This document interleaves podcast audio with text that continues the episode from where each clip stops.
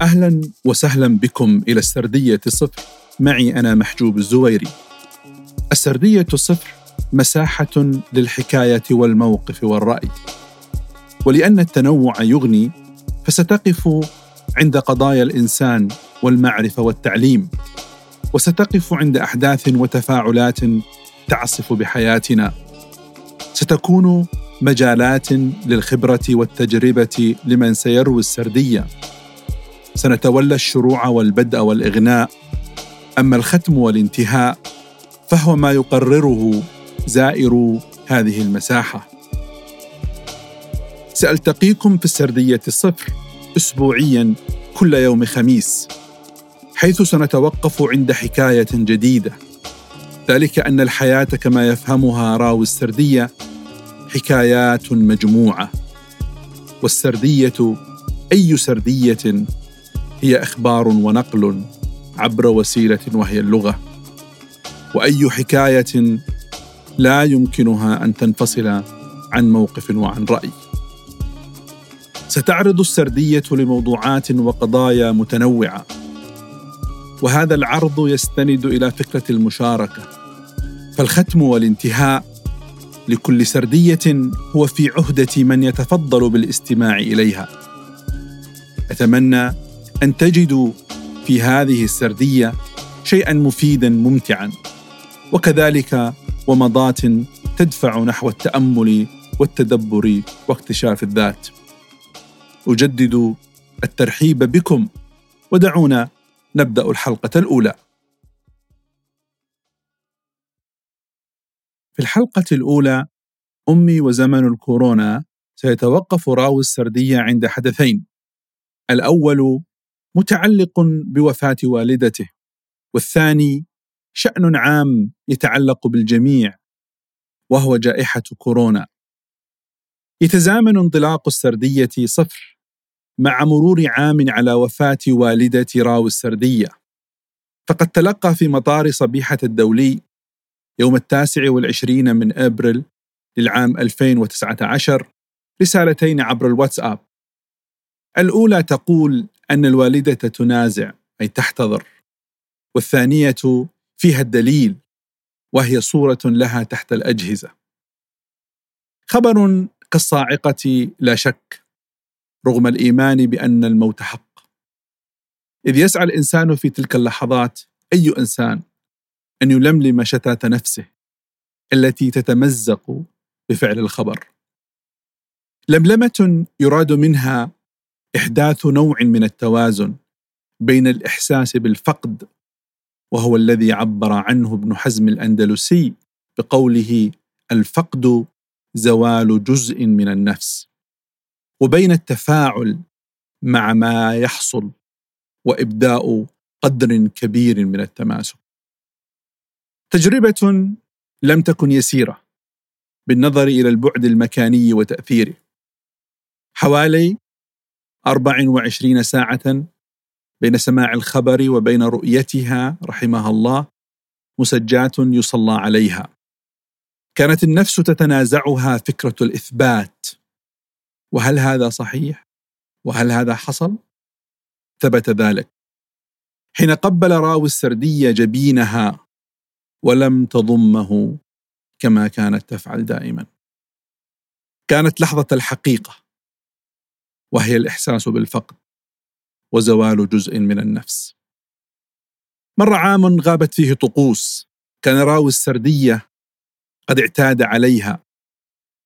كان أهمها تلك الاتصالات الهاتفية والتي يجري فيها الإخبار والاستماع إلى الحكايات والتي ربما لم يكن فيها قدر من الأهمية يتجاوز فكرة أن من يروي تلك الحكايات هي الوالدة.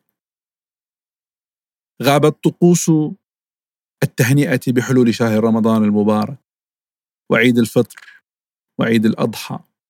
والأهم ربما سماع ذلك الدعاء البليغ بلغة بسيطة يحنن عليك القلوب القاسيه والعبيد العاصيه في تلك المكالمات لم يغب الشأن العام وما يجري فالوالدة التي كانت ترى راوي السردية يقدم تحليلاته وآراءه عبر برامج متعددة وفي محطات تلفزيونية مختلفة. لم تكن تتردد في أن تمارس دور كثير من المذيعين والمذيعات ولكن بلغة بسيطة وتلخص أسئلتها في بضع كلمات كيف شايف الأمور؟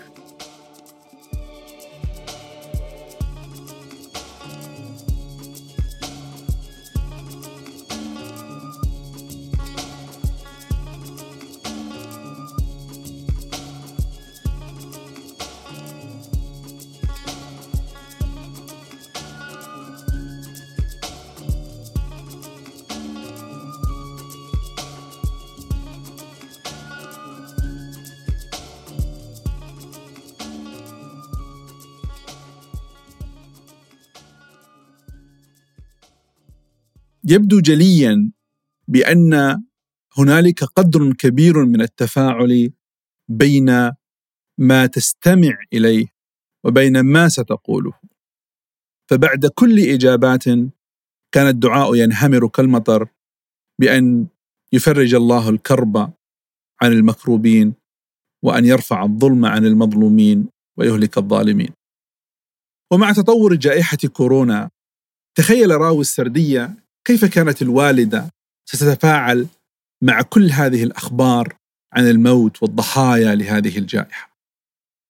فهي التي كانت تعيش آلام الملايين الذين لم يعرفوا عنها والذين كانت تسمع عنهم الأخبار وحين يلتقي الأبناء والبنات والأحفاد حولها وتستمع لما يناقشونه تدعو لهم وتقول بلغة صريحة واضحة أن يعينهم الله على هذا الزمن.